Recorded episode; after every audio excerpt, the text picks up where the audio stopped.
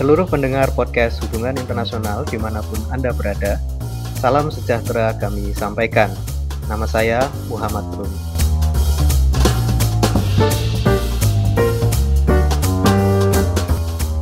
Podcast ini dikelola oleh Departemen Ilmu Hubungan Internasional Universitas Gajah Mada dan diperuntukkan sebagai media diseminasi kajian-kajian pada bidang politik global dan keamanan, ekonomi politik internasional dan pembangunan, dan juga studi perdamaian. Kali ini saya bersama dengan Dr. Riza Nur Arfani, Direktur pada Institute of International Studies, Direktur pada Pusat Studi Perdagangan Dunia, dan dosen pada Departemen Ilmu HI UGM. Halo Mas Riza. Bagaimana kabarnya? Uh, baik, alhamdulillah sehat. Semoga semuanya sehat juga ya, Rum juga dan teman-teman. Terima kasih Mas Riza. Uh, semakin sibuk Mas nampaknya. Working from home. Lumayan. nah ini uh, kita akan mendiskusikan mengenai satu topik uh, yang cukup menarik uh, mengenai uh, perkembangan industri di kawasan Nah, kita uh, banyak belajar dari kelas-kelasnya Mas Riza dan uh, hari ini kita akan mendiskusikan salah satu yang uh, cukup menarik mengenai uh, rantai produksi uh, global. Nah, ini Mas Riza uh, di negara kita dan juga di kawasan ini semacam ada aspirasi dalam masyarakat mengenai mimpi ya menjadi negara maju. Lalu juga banyak yang berpandangan di kalangan masyarakat itu Salah satunya mungkin bisa dicapai dengan uh, industrialisasi. Nah, bagi masyarakat yang awam, kadang parameternya itu sangat sederhana. Uh, jika tidak simbolis, yaitu dengan uh, bisa memproduksi mobil, ya, benda yang uh, bisa dilihat uh, di jalan-jalan. Nah, jika kita mengamati uh, di kawasan kita atau di juga di negara kita, uh, belum ada banyak sih uh, pabrikan atau merek lokal. Memang ada banyak perusahaan uh, subsidiari Lalu juga beberapa kalangan berpikir mungkin ada harapan jika ada perusahaan-perusahaan yang menjadi uh, subsidiari, maka ini bisa menjadi permulaan dari meningkatnya kapasitas uh, industri di kawasan. Bagaimana Mas Riza melihat uh, pentingnya sektor otomotif itu dalam uh, menjadi driving force ya dalam meningkatkan kapasitas uh, industri dan juga uh, bagaimana perkembangan industri otomotif di ASEAN dari skala maupun penguasaan teknologinya, Mas? Oh, baik, uh, Rum. Jadi saya mulai dulu dengan mengungkapkan bahwa um, otomotif atau kita mengenalnya dengan istilah mobil ya. Uh, industri mobil itu adalah um, penanda utama dari industrialisasi di abad ke-20. Jadi kalau kita bicara sejarah industrialisasi abad 20, mobil adalah penanda utamanya. Hmm. Dan industri otomotif atau industri mobil menjadi penggerak utama industrialisasi yang terjadi di berbagai belahan dunia, tidak kecuali di Asia Tenggara. Nah, kalau kita bicara dunia, pasti kita mengenal uh, Ford ya, yang menjadi yeah. pionir dari industrialisasi di sektor ini di Amerika. Yang menarik dari Ford atau orang di ekonomi politik menyebutnya sebagai gejala Fordism adalah kemampuannya untuk uh, membuatnya berskala besar sehingga apa namanya nilai ekonominya menjadi besar dan daya tetesnya pada ekonomi di sektor-sektor lain begitu besar. Um, jadi economies of scale maupun apa namanya efek menetes ke bawahnya itu uh, ke pelimpahan um, ke sektor-sektor lainnya begitu besar. Um, hmm kita bicara ini di tahun-tahun 30-an, 40-an, 50-an Amerika ya. Yeah. Tapi menarik di kawasan Asia ini catch-up-nya luar biasa cepat. Jadi dimulai dengan industri-industri di Jepang yang mulai tumbuh di uh, masa perang. Masa perang pun uh, sebetulnya perang dunia kedua ya. Yeah. Um, uh, brand-brand ternama seperti Toyota, Mitsubishi itu terus-menerus melakukan research and development di bidang ini dan industrialisasi dalam skala yang cukup besar uh, meskipun kemudian ada perang dunia kedua itu dan kemudian Jepang uh, kalah perang tapi setelah perang yang terjadi adalah fenomena yang di awal abad 20 di Amerika terjadi dengan banyak perbaikan uh, dan itulah yang terjadi di Asia sebetulnya Jadi mobil-mobilnya kemudian menjadi lebih efisien, teknologinya lebih maju. Dengan kata lain sebetulnya kiblat uh, uh, apa produksi otomotif dan research and developmentnya itu berpindah dari hmm. Amerika ke Asia, terutama Jepang. Nah, kalau kita bicara Jepang, maka Jepang adalah driver utama perkembangan industri otomotif di kawasan-kawasan lain di Asia, termasuk Asia Tenggara. Ini yang uh, yang yang menarik. Jadi um, hampir semua negara di Asia Tenggara melibatkan Jepang dalam industrialisasinya. Hampir semua. Uh, sebutlah misalnya yang paling awal uh, melibatkan diri dalam uh, jaringan produksinya Jepang adalah Malaysia, um, Thailand, Filipina, dan kemudian juga Indonesia. Dan belakangan kita tahu ada Vietnam, ada Myanmar, um, ada bahkan negara sekecil Kamboja pun ikut ke dalam skema ini. Nah, itu perkembangan di tahun-tahun kita bicara tahun-tahun 70-an, 80-an, 90-an ya. Ketika industri hmm. di drive oleh uh, uh, kalangan industriawan brand-brand besar dari Jepang. Tapi yang menarik kan Jepang bukan pemain tunggal. Ada banyak pemain lain yang masuk dari Eropa, dari Amerika ke Asia Tenggara dalam bentuk um, apa namanya greenfield investment di tahun-tahun itu ya. Investasinya benar-benar membangun dari nol from the scratch ya tahun 70-an 80-an saling bersaing.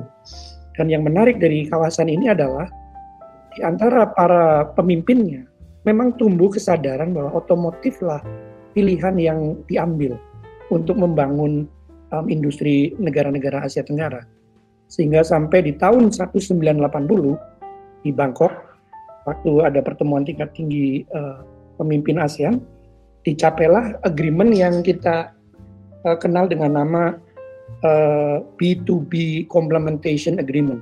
Jadi ini um, uh, agreement yang dirancang untuk mempermudah tukar menukar parts and components dari brand yang sama yang diproduksi di pabrik-pabrik uh, di Asia Tenggara dalam bentuk insentif fiskal, insentif pajak maupun uh, tarif.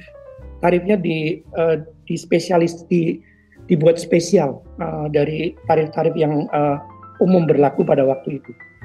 Ini menandakan sebetulnya tidak hanya di industrialisasi tapi juga di bidang liberalisasi perdagangan sektor ini menjadi pionir, uh, Mas Rum.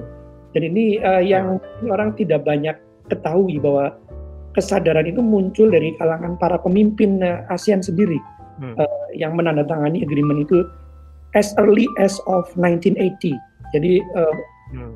negara lain, kawasan lain belum berpikir sampai ke sana, kawasan ini sudah berpikir. Nah, yang menarik adalah uh, implikasinya pada masing-masing negara anggota yang berbeda-beda. Um, di Malaysia kita mengenalnya kemudian dengan proyek mobil nasional Proton. Mas Rum mungkin pernah mengendarai yeah pernah di Malaysia ya? Ya pernah ikut uh, teman saya gitu. Memang orang Malaysia uh, kebanyakannya memang membeli produk Proton mas. Iya. Jadi kalau main ya mengendarai Proton. Sampai sekarang masih survive itu, walaupun dengan skema yang berbeda, tapi um, itu menjadi kebanggaan bagi Malaysia. Hmm. Negara lain punya jalur yang berbeda, um, tapi umumnya tidak mengambil jalur seperti yang dilakukan oleh Malaysia. Jadi Malaysia kalau uh, kita lihat adalah contoh yang unik ya dalam pengembangan industrialisasi uh, sektor otomotif. Dan juga nanti sebenarnya sektor-sektor yang lain Malaysia unik gitu. Um, yang lain menempuh jalur yang konvensional uh, menggunakan uh, market driven uh, approach ya. Uh, dituntun oleh brand-brand ternama oleh apa namanya perusahaan-perusahaan uh, leadnya lead firmnya dari terutama dari Jepang ya. Um, untuk mengambil contoh misalnya Thailand itu sangat patuh dalam tanda kutip ya uh, pada um, strategi pemasaran, strategi produksi maupun strategi research and developmentnya Toyota. Um, sampai tahun uh, 90-an mereka mengikuti apa yang menjadi keinginan uh, brand-brand besar uh, otomotif Jepang, um, terutama Toyota. Um, karena saya meneliti soal Toyota, jadi saya tahu persis bagaimana Thailand mengikuti uh, strategi ini. Dan dilakukan dengan cara yang konsisten kalau dilihat dari perspektif kebijakan publik ya, kebijakan pemerintahnya. ini yang membedakan dengan yang terjadi di Indonesia dan juga Filipina. Walaupun konteksnya hmm. berbeda ya. Indonesia sebetulnya mengikuti cara itu, caranya Thailand, uh, mengikuti apa maunya uh, lead firms ya, yang terutama uh, lead firms dari Jepang. Um, tetapi di perjalanannya ada banyak uh, disruption ya, political disruption. Uh, apa namanya ada banyak keinginan untuk rasanya kok aneh kalau Indonesia nggak punya merek sendiri gitu. itu di di di apa ya namanya diterima oleh pemerintahan Soeharto waktu itu sebagai agenda uh, berbarengan dengan munculnya sentimen-sentimen uh, nasionalistik ya di akhir 80-an awal 90-an walaupun sebetulnya liberalisasinya sangat kenceng waktu itu tapi aspirasi nasionalistik um, aspirasi ini membangun kebanggaan nasional begitu besar. Uh, simbolnya kan uh, teknolog seperti Pak Habibie ya, yang kemudian wakil presidennya Pak Harto di ujung kekuasaannya. Nah, uh, Pak Habibie menjadi simbol teknologi dan um, akibatnya di sektor-sektor lain termasuk otomotif itu diterjemahkan dengan cara-cara yang lebih simbolik, politik, untuk sebetulnya meningkatkan daya tawar kita sebagai host country kepada perusahaan-perusahaan terutama Jepang uh, dalam hal-hal tertentu yang mungkin uh, bagi kalangan uh, lead firms di Jepang, bagi kalangan perusahaan-perusahaan besar Jepang itu menjadi sulit karena pembandingnya adalah konsistensi kebijakan liberal yang diterapkan oleh Thailand. Jadi cukup ini ya membingungkan dan dilematis. Dilematisnya begini, Jepang memang melihat pasar di Indonesia ini paling besar, um, serapannya paling besar, dan um, mereka sudah memproyeksikan um, dan sudah terbukti sekarang ini uh, kelas menengahnya akan menjadi penopang utama sales dari uh, otomotif di Asia Tenggara.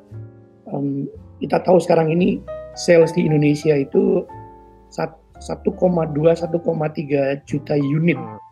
per per tahun ya sudah Dibang, melampaui Thailand itu Mas ya? Thailand melampaui, dilampaui. Hmm. Thailand 1,1.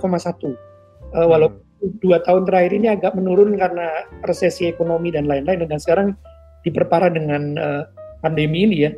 Um, kita tahu uh, datanya tapi cukup memukul ini Mas Rob. Walaupun apa walaupun mungkin tidak ada hubungan langsungnya tapi cukup memukul ini apa yeah. namanya uh, industri otomotif ini mungkin bukan dalam uh, skala produksinya, tapi juga, uh, tapi dalam um, after salesnya. Jadi mungkin kita tahu uh, ASEAN ini juga menjadi uh, hub untuk after sales uh, ini activity. Jadi bayangan saya sektor ini pun bisa menjadi drive untuk uh, mulai mengadopsi ekonomi sirkular seperti apa namanya penerapan yang lebih advance dari konsep sustainable development um, apa konsep 3R atau 5R dalam sustainable development itu di uh, dimajukan dengan cara sirkular sudah diterapkan di banyak negara-negara Skandinavia dan Eropa Barat ya dan Kementerian Perindustrian kita pun sudah mulai sounding soal ini dan otomotif bisa menjadi pionir juga untuk ini. Ya, kalau misalnya uh, masa depan dari industri hmm. di Asia Tenggara, terutama uh, operasi perusahaan-perusahaan subsidiari di Asia Tenggara, ya. itu masa depannya bagaimana ya, Mas? Melihat China juga rising ya dalam uh, produksi, mungkin ada shift hmm. uh, di situ. Uh, seberapa tinggi aktivitas perusahaan-perusahaan otomotif besar dunia uh, bekerja di Asia Tenggara, lalu uh, selain tadi Mas Riza juga mengatakan uh, ada uh, liberalisasi di Asia Tenggara, salah satu yang area yang paling awal menjalankan liberalisasi. Kira-kira uh, masa depannya bagaimana, Mas? Apakah mereka tetap akan memilih ASEAN gitu sebagai basis produksi? Iya, um, saya kira masih ya. Jadi um, pasar ASEAN ini lukratif tidak hanya dari sisi penambahan demand-nya karena ada apa demografik uh, kontur apa demographic feature yang yang mendukung apa namanya peningkatan produksi dan sales dari otomotif tetapi juga lukratif dalam pengertian um, ininya apa namanya hub uh, produksinya, production hubnya. Hmm.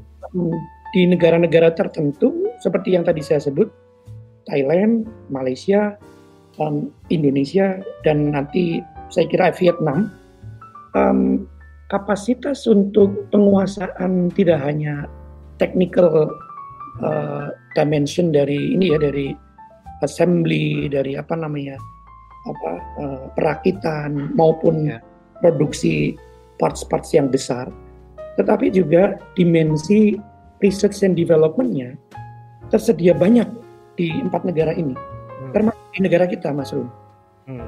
Walaupun Menarik, mas. berkembang yang ter, yang ada di Malaysia dan Thailand. Jadi kalau tadi ada pertanyaan mengenai spesialisasi, uh, merek-merek tertentu seperti Toyota, Daihatsu maupun uh, Nissan um, itu sudah punya peta um, di mana kapasitas untuk R&D yang tepat untuk parts tertentu. Malaysia adalah hub untuk yang electrical parts. Hmm. Tidak hanya R&D-nya tapi juga um, kemampuan ininya, sumber daya manusianya.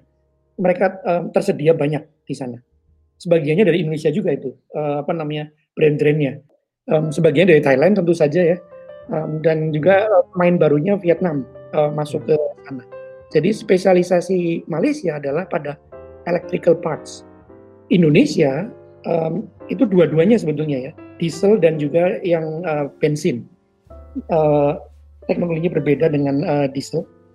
Uh, Filipina dulu diproyeksikan untuk yang bensin, tapi uh, apa uh, investor investor ini menyerah karena pasarnya terlalu sedikit, jadi kemudian mereka shift ke Indonesia dan Vietnam yang pasarnya lebih besar dan punya kapasitas produksi yang lebih lebih besar.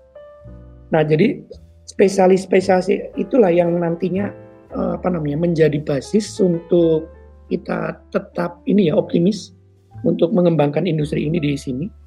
Walaupun dengan satu catatan ya Mas Rum karena salah satu tren yang uh, dalam tanda kutip menjadi ancaman atau mungkin bukan ancaman ya, tantangan. Tantangan bagi industri otomotif adalah teknologi uh, yang basisnya bukan uh, motor, bukan apa namanya, bukan uh, bahan bakar uh, alami. Ya, ya. Oh, Ini yang renewable ya, untuk masa depan mencari yang renewable. Ya, yang renewable, terutama yang listrik. Itu juga catatan uh, sangat penting dan saya kira kalau kita melihat strateginya Toyota misalnya mereka secara global sudah mengelaborasi itu dan menempatkan Asia Tenggara ada di mana sudah ada dalam peta mereka untuk industri, industri otomotif yang nanti basisnya uh, eh, non motor ya uh, terutama yang hybrid dan yang electric uh, vehicles maupun yang lebih canggih lagi yang basisnya AI ya. Artificial, artificial intelligence juga perkembangan yang perlu di uh, diamati betul oleh industriawan-industriawan kita di, di Indonesia dan di um, Asia Tenggara. Nah, kalau kita membandingkan dengan uh, Thailand uh, lewat uh, Board of Investment-nya, kan semacam BKPM-nya ya, BKPM-nya uh, Thailand itu namanya BOI. Um, kita mungkin tiga lima langkah uh, ketinggalan dari mereka. Hmm. Kita sudah punya uh, skema yang mereka sebut sebagai super clusters untuk mengembangkan bidang-bidang um, tertentu, sektor-sektor tertentu yang nanti catch up dengan tren terbaru. Kalau di otomotif tadi hybrid, electric vehicles dan AI. Um, mereka sudah punya petanya uh, yang di Thailand. Dan saya kira um, tawaran-tawaran insentifnya sangat uh, menarik untuk investor-investor besar dari Eropa, dari Jepang maupun dari uh, Amerika um, termasuk juga dari Cina ya. Uh, walaupun Thailand stuck pada uh, pasar domestiknya, jadi itu juga disadvantage untuk Thailand. Mereka sudah uh, saturated pasar domestiknya. Hmm, harus memanfaatkan regionalisme ASEAN gitu ya Mas ya, betul, supaya betul. bisa menjual produknya. Ya. Mungkin dengan aturan rules of origin 40% produksi lokal mungkin ya. bisa dijual ke negara lain parts and components yang dipertukarkan antar antar internal perusahaan itu sudah hampir 0% tarifnya. Hmm, yeah. Ya 0, berapa sudah sangat rendah. Jadi sebetulnya dari sisi itu um, perusahaan tidak lagi menghitung soal tarif ya dan soal-soal yang semacam itu. Tinggal sekarang insentifnya adalah ketersediaan uh, tadi apa namanya kemampuan uh, teknologi, um, sumber daya manusia, um, research and development, dan satu lagi pasar sebetulnya. Karena bagaimanapun pasar itulah driver utamanya. Nah Indonesia keuntungan terbesarnya adalah pasar Ya mas. Uh, lalu pertanyaan berikutnya terkait dengan um, apa namanya eh, negara-negara uh, lain di dalam uh, regional value chain. Apakah negara-negara seperti China, lalu Taiwan, India, Korea Selatan masuk di dalam kalau dalam kasus tadi yang disampaikan Mas Riza Toyota, apakah mereka juga masuk dalam skema, Mas?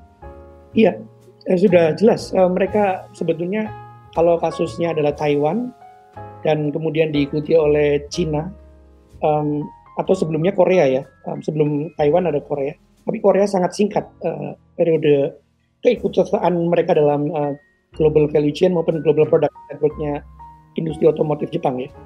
Um, yang agak lama Taiwan, Cina, dan sekarang India itu hmm. dalam jaringan dan uh, roadmapnya uh, perusahaan-perusahaan besar Cina. Um, yang menarik sebetulnya adalah melihat pergerakan bisnisnya, Dom. Hmm. Uh, karena sekarang ini yang di Cina, terutama Cina ini ya, kita bicara Cina, merek-merek lokal sudah mulai masuk, seperti Wuling atau yeah. atau Wuling, ya. yang sejenisnya. Yang yang menarik adalah cara mereka kemudian uh, uh, menjalankan bisnis ini, karena kemudian menggandeng uh, tidak hanya rekan-rekan bisnis dari Eropa maupun Amerika, tapi juga termasuk dari Jepang. Hmm. Nah ini yang menarik, walaupun belum terbuka sekarang ini, tapi sebetulnya um, di bawah tangan, terutama untuk yang electric vehicles dan AI, perusahaan-perusahaan Jepang ini hanya bisa mengandalkan uh, Cina, jaringan produksi sama kayak Amerika dan uh, Eropa ya. Um, uh, electrical parts, um, terutama yang paling penting kan uh, battery ya, uh, aki kalau kita menyebutnya di Indonesia ini um, itu produksi terbesarnya ada di Cina. Walaupun um, India sekarang sedang juga menyasar ke sana, tapi Cina menjadi, masih menjadi basis produksi utama. Jadi kalau nanti trennya adalah beralih ke hybrid maupun uh, electric vehicle maupun AI, Cina pasti tidak akan ditinggalkan. Dan apa uh, strategi bisnisnya nanti pasti akan melibatkan perusahaan-perusahaan yang muncul belakangan. Hmm. Dan inilah pentingnya saya kira melihat bagaimana pemerintah kita merespon tawaran-tawaran dari perusahaan seperti Wuling. Kalau responnya ala kadarnya dalam arti hanya hanya memburu rente, itu hmm. mengulang cerita lama. Lama uh, Mopnas uh, Timur akan terulang. Mungkin publik sebentar diuntungkan dengan harga murah, tapi dalam jangka panjang kita tidak dapat akumulasi yang tadi saya sebut itu, akumulasi pengetahuan, akumulasi teknikal, akumulasi skills, yang itu sangat penting untuk industrialisasi di sektor-sektor lain. Ya. ya. Kalau Mas Riza sendiri uh, melihat perkembangan yang terjadi di uh, kawasan, ada nggak sih peluang untuk upgrade tadi sudah dicontohkan ya kalau di Thailand gitu untuk AI dan juga teknologi-teknologi baru yeah. Ya. uh, yang hybrid uh, menggunakan renewable energy. Hmm. Kondisi-kondisi uh, apa prekondisi ekonomi politik apa yang diperlukan uh, negara kita untuk mendorong itu, Mas? Iya, dalam hal ini saya lebih cenderung untuk kembali ke model developmental state-nya teman-teman uh, di Korea maupun di Taiwan uh, maupun di Malaysia dan mungkin juga um, semi diterapkan di Thailand. Developmental state itu mengajarkan kita bahwa pasar tidak bisa dibiarkan berjalan sendiri. Jadi perusahaan-perusahaan besar itu, brand-brand besar itu tidak bisa um, dibiarkan uh, bergerak sendiri. Mereka butuh um, sparring partner uh, ketika bicara soal research and development. Dan sparring partner itu datangnya dari pemerintah bukan dari mana-mana. Um, bisa saja perusahaan ini langsung menghubungi uh, perguruan tinggi seperti UGM. Uh, UGM punya kerjasama sekarang ini dengan Toyota misalnya. Tapi tanpa payung regulasi yang jelas, usaha-usaha ini akan um, useless, akan tidak berguna. Karena bagaimanapun yang diteliti di uh, level perguruan tinggi, walaupun bekerjasama dengan industri, itu adalah prototipe. Um, ya kan? Sesuatu yang harus diuji cobakan lewat komersialisasi. Dan ketika komersialisasi, kita bicara political ekonomi, kita bicara aturan yang konsisten, regulasi yang uh, konsisten, dan itulah yang sebenarnya diminta oleh perusahaan-perusahaan semacam um, Toyota, konsistensi, dan kalau bisa uh, dihidupkan lagi lah apa namanya jalur komunikasi yang lebih lebih reguler dengan uh, pemerintah, meskipun sudah ada, tapi mungkin perlu konsistensi itu ya um, di dalam kasus Indonesia. Yang um, saya kira dalam kasus Thailand uh, dan Malaysia itu terjadi karena uh, adopsi pada uh, model developmental state. Pak Jokowi harus punya uh, visinya apa pada industri ini, dan dia harus buat tim, tim yang uh, punya kemampuan untuk ini ya, untuk uh, otoritatif untuk mengambil keputusan yang nanti bisa dipercaya oleh kalangan industri um, itu yang nggak ada sekarang ini. Kita benar-benar dituntun oleh uh, pasar dan sementara pasar sebetulnya kebingungan juga ini partner saya siapa. Kita juga harus punya ini ya prasangka baik kepada uh, industri-industri ini. Mereka tidak hanya memburu uh, profit, tapi juga mereka butuh uh, perkembangan industri yang bisa diprediksi dan uh, menguntungkan untuk mereka, terutama dari sisi sumber daya manusia, teknologi, research and development. Nah itu yang peta itu yang mereka harapkan. Itu Trum. Insightful sekali mas diskusinya uh, dari otomotif sampai ke skema ekonomi politik yang perlu kita pikirkan uh, dan ini satu kajian yang juga mungkin bisa dipertimbangkan ya oleh para mahasiswa HI. Betul ya. Terutama ketika mengulas uh, ekonomi politik internasional dan pembangunan ya mas. Iya. Hmm. Yang menjadi salah satu uh, core di dalam uh, kajian kita di HIUGM. Terima kasih banyak Mas Riza atas waktunya. Satu kebanggaan diundang di podcastnya HIUGM. Terima kasih Mas. Kita coba kembangkan Mas ke depan uh, ya. sarana ini. Uh, juga untuk para pendengar, uh, kami menyampaikan bahwa podcast ini bisa diakses uh, melalui iTunes, juga Spotify dan uh, YouTube. Begitu Mas Riza, terima kasih ya. uh, atas waktunya. Uh, Muhammad Rum dan Dr. Riza Nur Arfani signing off.